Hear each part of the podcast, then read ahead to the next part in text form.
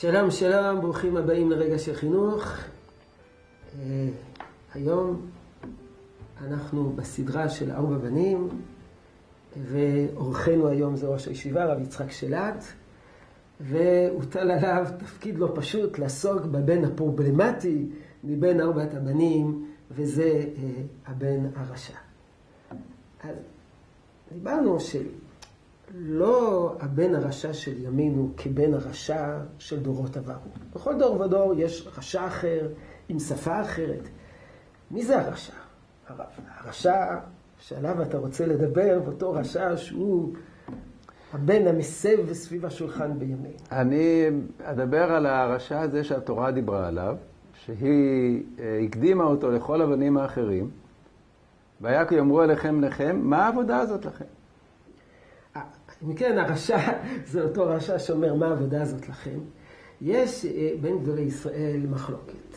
יש אה, בהגדה של פסח, של הגר"א, הוא אומר שכתוב, אה, אילו היה שם, לא היה נגאל.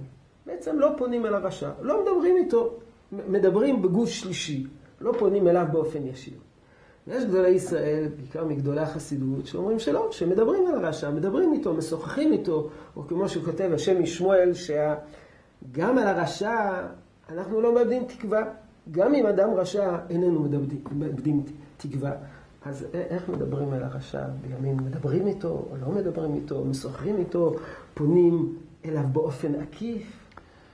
קודם כל, הדיבור על הרשע הוא צריך להיות מותאם למצב הדור, כפי שאמרת, והרשע של ימינו הוא לא רשע שהוציא את עצמו מן הכלל וחפר בעיקר.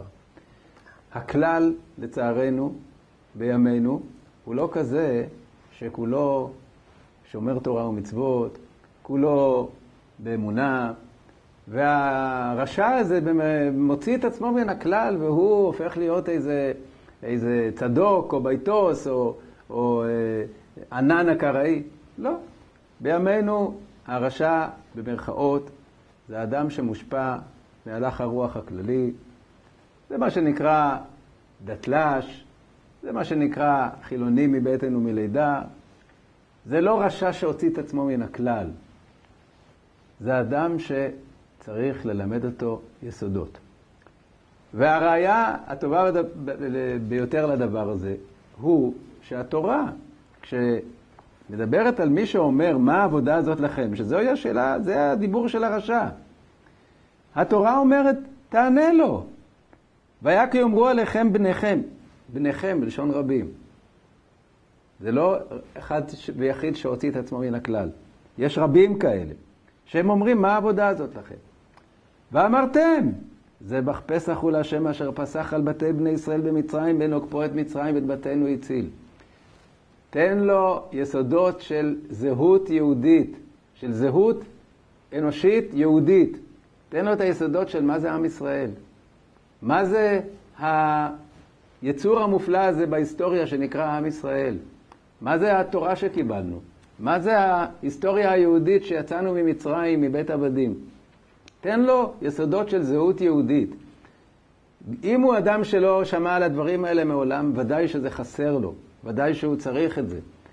גם אותו בן שהתחנך בבית דתי ויצא, היציאה שלו היא לא הואיל והוציא את עצמו מן הכלל כפר בעיקר. הוא נגרר אל תוך מציאות חילונית, מציאות נהנתנית, מציאות של חיים יותר פתוחים וחופשיים כאילו, והוא מאבד את הזהות העמוקה, היהודית, שהיא מהו עם ישראל, מהי תורה. את הדברים האלה אפשר ללמד מחדש, גם את מי שהיה בפנים ויצא החוצה. אפשר לפקוח עיניים מחדש. כל שכן, למי שמעולם לא קיבל את החינוך הזה, מעולם לא שמע את הדברים האלה בצורה רצינית. הוא למד איזה סיפורי מקרא ועלמא, ולא לא, לא קיבל מהם שום uh, כלים של התמודדות, שום זהות פנימית. הרשע של ימינו הוא כזה שצריך לדבר אליו, להסביר לו ולשכנע אותו. לא להיות במצב של הכה את שיניו. הכה את שיניו זה שייך לגבי מי שהוא מוציא את עצמו מן הכלל יוצר איזו מציאות שלא הייתה מעולם. היא מציאות חדשה שהיא זלזול בכל מה שקיים. אנחנו אה, נמצאים בדור, ולא רק בדור שלנו, כבר כמה דורות, שבמציאות הישראלית, היהודית, יש שסע גדול, קרע גדול בין הרצף ההיסטורי של האמונה ושל, ה, ושל ההכרה הדתית לבין חיי היום-יום. ואת זה צריך ל, לנסות לגשר. לגשר את זה מחדש, פירושו של דבר לתת את היסודות בצורה רעננה וחדשה לאותם אנשים שחסרים להם היסודות האלה. וזה מה שהתורה אומרת לנו. דבר אליו, תסביר לו, תסביר לו את זהותו, תקרב אותו, וכך אתה תזכה לזה שהוא יפסיק להיות רשע במרכאות ויהפוך חזרה להיות בן חכם. למדנו דבר גדול.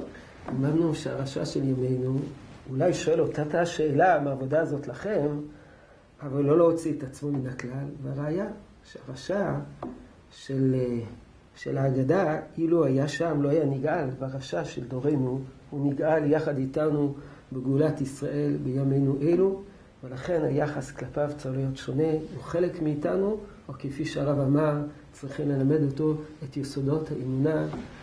יהי רצון שתשרה ברכה בעבודתנו החינוכית, ונצליח לחנך ולקרב לתורת ישראל ולהגן אבינו שבשמיים גם את בן הרשע שלום שלום.